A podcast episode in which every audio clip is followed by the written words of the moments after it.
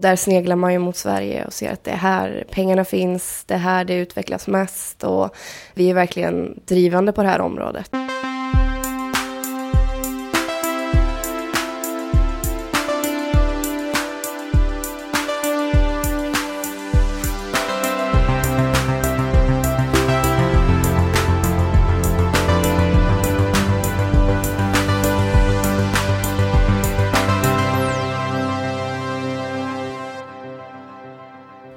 Rullar igång Heja Framtiden. Jag heter Christian von Essen och eh, vi är på Stockholm Fintech Week. Eh, på GT30 idag. Eh, där vi alltid poddar. Och nu sitter vi i ett litet konferensrum och jag har en handhållen mick. Så det blir lite speciella omständigheter. Men jag är här med eh, Louise Grabo. Generalsekreterare för Swedish Fintech Association. Välkommen. Tack så jättemycket, kul att få vara med. Det är roligt att jag måste liksom rikta den här micken hela tiden vi ska prata. Ja, vi får se hur det går. Um, ska vi börja med att reda ut vad Swedish Fintech Association är och gör kanske? Ja, eh, vi är då en förening som grundades i januari 2017. Och vi samlar svenska fintechföretag.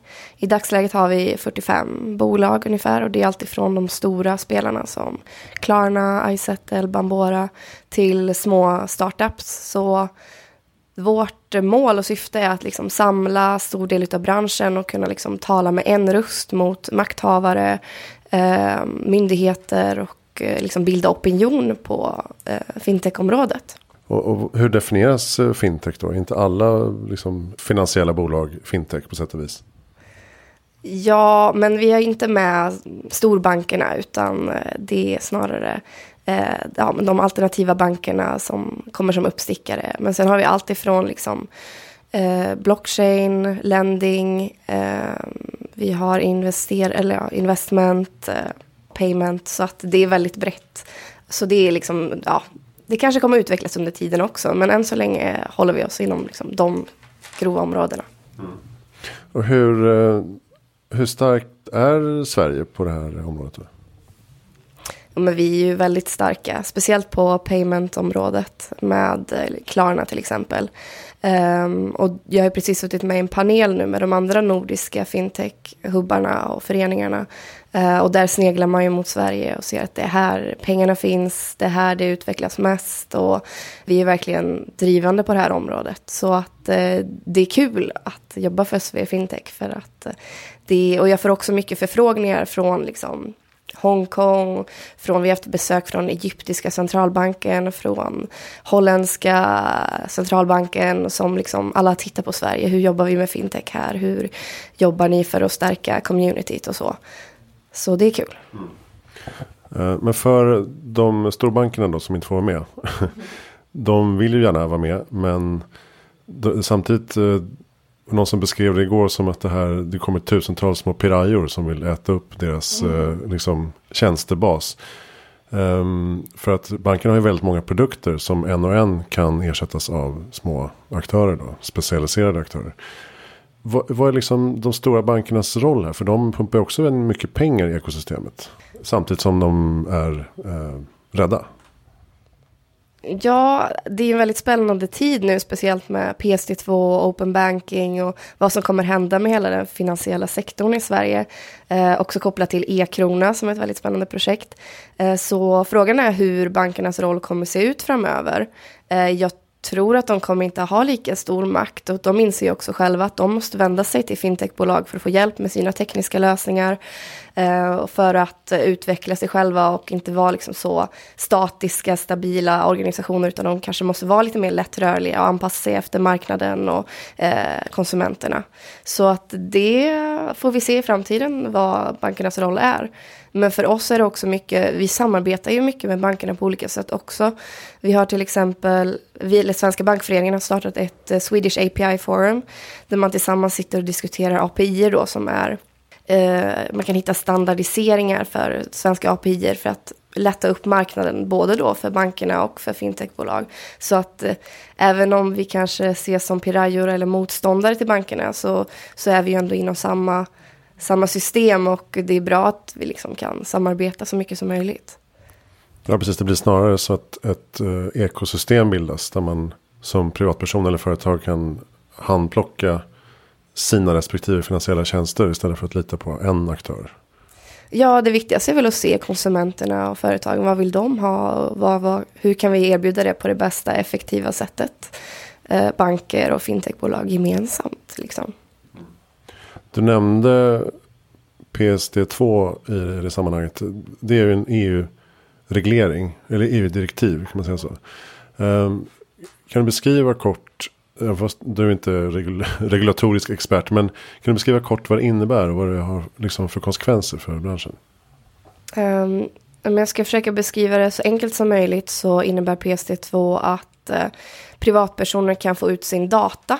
Så från banker kan man få ut eh, sin data och eh, begära ut den så att andra aktörer kan använda den. Och det betyder ju då att fintechbolag får en mycket större, större möjligheter att eh, konkurrera med banker kan man säga eftersom kunder då istället kan välja att flytta sin data till andra aktörer och eh, så. Så det är väl kort beskrivet. Du kanske vill tillägga någonting?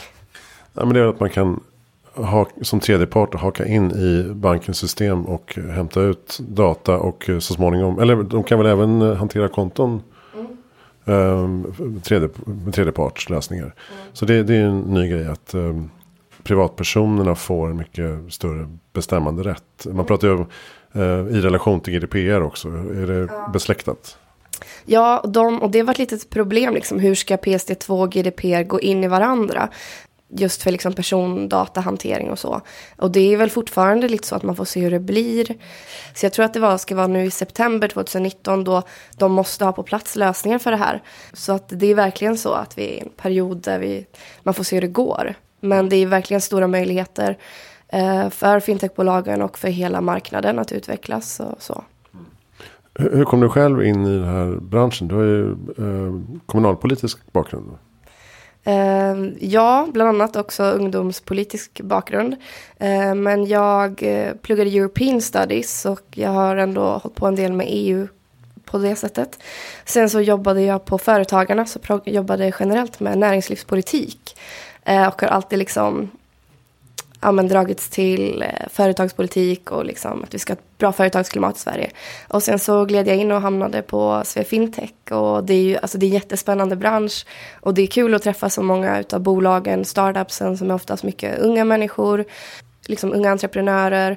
Eh, så att jag har ju liksom en dröm om att en dag kanske starta mitt eget bolag liksom. Men jag har inte kommit så långt än. Så du samlar in eh, inspiration och idéer Uh, ja, nu är det väl mest att, uh, ja men jo men det är klart man inspireras och lär sig jättemycket. Uh, men nu försöker jag bara använda det så mycket som möjligt för att stärka branschen. Mm. Och vad har hänt i den här veckan då, Stockholm Fintech Week? Vem är det som arrangerar förresten? Det är faktiskt tre privatpersoner som arrangerar det, som är starka eh, men inom det svenska ekosystemet så är de tre starka personer som är kopplade både till um, blockchain, fintech, eh, den nya, det finns ju en ny fintech-hub i Stockholm som heter Findec. Eh, så att eh, det är tre olika personer men vi har varit med lite på ett hörn och hjälpt till med talare bland annat. Vi har hjälpt till med att komma på lite ämnen och vi har spridit eventet för att det ska komma så många som möjligt. Men det här är ett nytt initiativ så att eh, det var första gången man hade Stockholm Fintech Week. Så jag tror man har haft eh, över 500 anmälningar. Eh, men nästa år räknar man väl med att dubbla, om inte mer. Ehm, men det behövs sådana event. Vi jobbar ju också lite nätverksbyggande och skapar event för våra medlemmar. Men det brukar oftast vara kanske på olika aktuella förslag. Eh, under hösten har vi jobbat mycket med eh, regelverket kring eh, penningtvätt och terrorfinansiering. Så vi bruk, jag har till exempel haft ett frukostseminarium om det. Jag har haft besök från Finanspolisen polisen och Finansinspektionen. Eh, sen har vi också ett nätverk som heter Women in Fintech för att stärka just eh, kvinnor inom branschen. När man slår ihop liksom tech och finans så, så blir, tenderar det att inte bli jättemycket kvinnor. Megamanligt. Megamanligt. Och jag har pratat med vissa bolag som har varit så här. Ja men så har vi, an, när man har växt liksom, man har anställt nästa person, nästa person. Och sen så när man är uppe i tio personer och fortfarande inte har en kvinna det, det är inte kul, eller det ska inte behöva vara så. Men ja, det är också ett stort problem i Sverige att hitta rätt kompetens när man kommer till techområdet. Liksom. Ehm, så det är någonting vi jobbar med för att eh, stärka sammanhållningen och sprida kunskapen och få fler kvinnor att våga starta bolag. Ja, att det inte bara är liksom kompisgänget som drar igång utan man kanske får lite andra kontakter också. Mm, ja men det blir väl lätt så att man tar sina närmaste eh, närmaste sörjande och kör igång någonting. Mm. Eh, och sen så inser man så går det bra och så inser man att eh, vi kanske behöver ha lite mer mångfald i vårt bolag. Man pratar idag om eh, här på seminarier och paneldiskussioner om eh, regulatoriska aspekter och eh, ämnen. Är det, är det knepigt att eh, starta en fintech, fintechbolag idag? Ja, många upplever ju det som en eh, när man ska ansöka om tillstånd till exempel från Finansinspektionen att eh, det är krångligt, det är byråkratiskt, det är långa, många papper och som inte är utformade. Eller ofta så, som ett fintechbolag kanske du går in under flera olika kategorier för du håller på med eh, payment och du håller på med eh, ja, men, hanterar data på olika sätt. Så att eh, Finansinspektionen vet inte riktigt vart de ska placera in dig och du får svara på jättemycket frågor. Eh, men samtidigt får du inte ett bra bemötande för att du vet inte, du kanske inte har en kontaktperson in utan man ska liksom kontakta olika personer för olika frågor. Så just när det kommer till tillstånd Eh, och de delarna så upplevs det som problematiskt. Men Samtidigt så växer ju fintechbranschen väldigt mycket i, i Sverige just nu. Så att eh, på andra sätt är det ju en väldigt bra marknad som vi har. Och just kopplingen till universitet och sånt så finns det ju mycket forskning som pågår. Eh, och jag upplever att liksom eh, ja, men Handelshögskolan här i Stockholm är väldigt intresserade och det är många som hör av sig och säger att vi vill skriva uppsats om det här, kan ni hjälpa oss? Um, så att det finns jag tror att ändå inte steget är så långt. Men när man ändå kommer så långt att man kanske behöver ha kontakt med myndigheter och så, så kan det vara krångligt. Mm. Vad, vad har det betytt eh, för branschen med bolag som Izettle och Klarna? Ja, men det betyder ju fantastiskt mycket att man har förebilder, att det är någon som går före. Um, att det går att lyckas och bli så stora och det vet jag att många av de andra nordiska länderna sneglar på oss och säger men vi behöver också ha vårt Izettle eller vårt Klarna. Eh, så det betyder såklart jättemycket. Också hur kompetensen liksom kan röra sig mellan bolag och att man plockar upp då från mindre bolag. Ja, men, det är såklart jätteviktigt. Det har om inte annat skapat en väldigt internationell miljö här i Stockholm. Ja, verkligen. Vi har ju ja, men personer, det är jättemycket tech-personer som kommer från Indien och Pakistan och det är många som söker sig hit. Men där har vi också ett annat problem som är med arbetstillstånd och sådana saker som har varit ett problem de senaste åren med arbetskraftsinvandring och eh, vad jag har hört det senaste så är det många personer som inte vill komma till Sverige längre för att man har hört att det är så krångligt. Mm. Man vill komma till Sverige för att vi har otroligt många bra bolag och att det finns en bra startup-miljö och så. Men samtidigt så vet man att det är krångligt att få uppehållstillstånd i Sverige. Det är enklare att åka till andra länder då. Och man riskerar hela tiden att ah, men jag kanske fick för mycket lön den månaden eller jag fick för många semesterdagar så att då, då faller jag ur systemet och så tvingas jag åka tillbaka.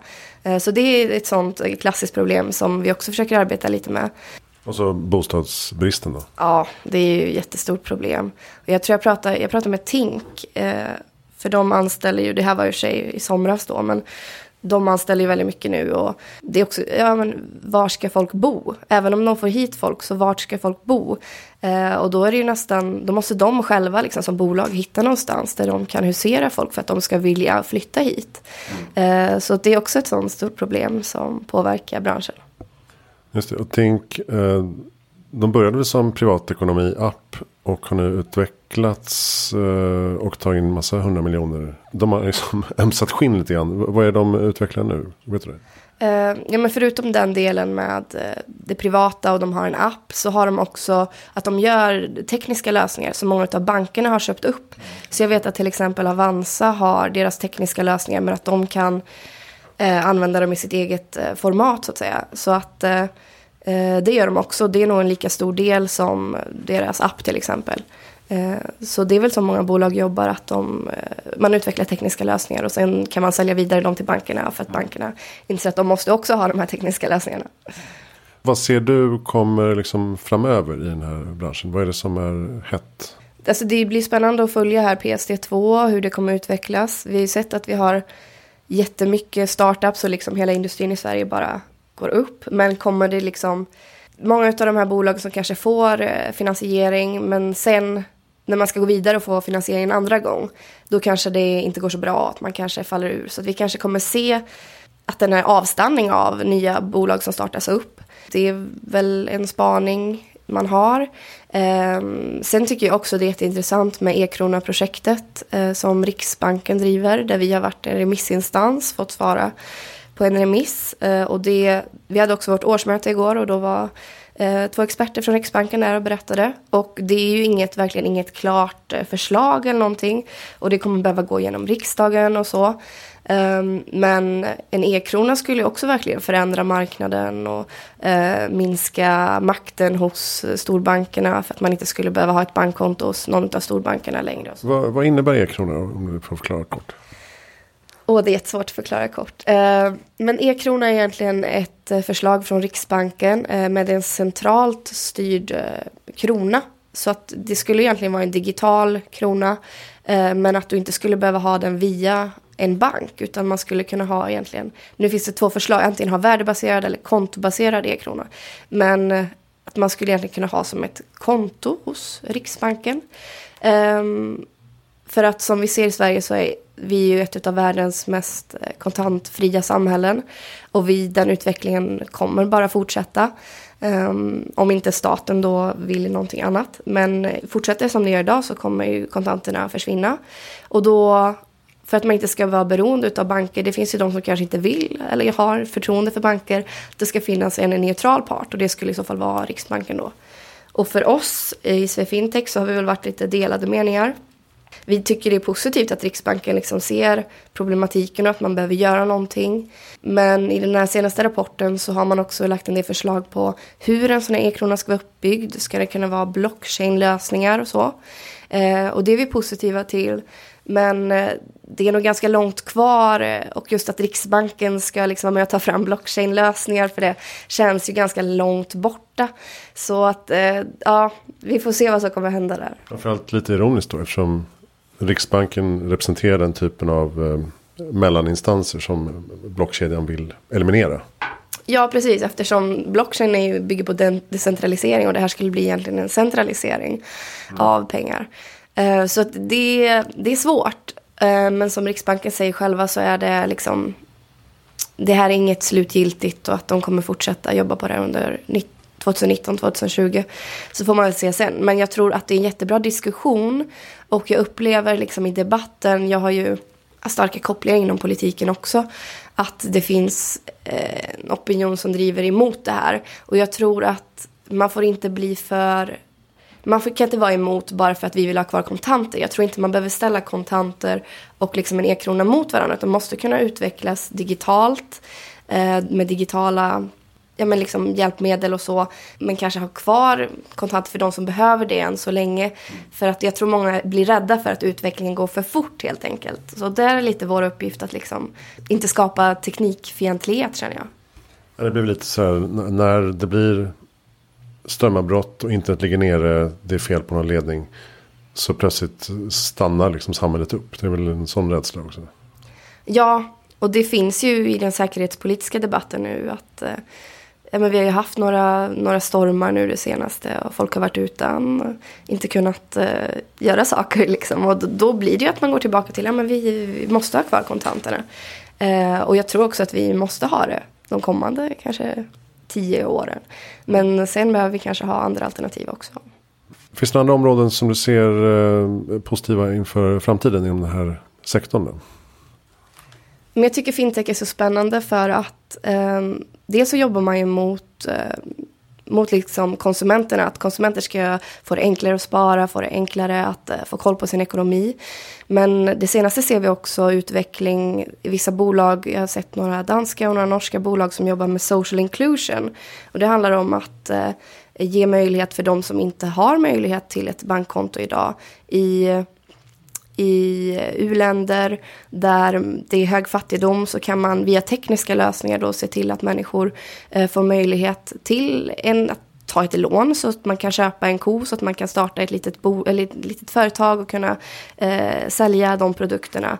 Eh, och det är en så här spännande utveckling som jag tror vi kommer se mer av. Att liksom stärka de människorna som inte har tillgång till de ekonomiska systemen idag via fintechbolag som kan möjliggöra via, jag vet att via eh, ansiktsskanning kan man då se till att människor får eh, ett bankkonto och då kanske kunna få via, vet, via FN och så kan man eh, ge ut pengar till de här människorna så att de, de kan leva.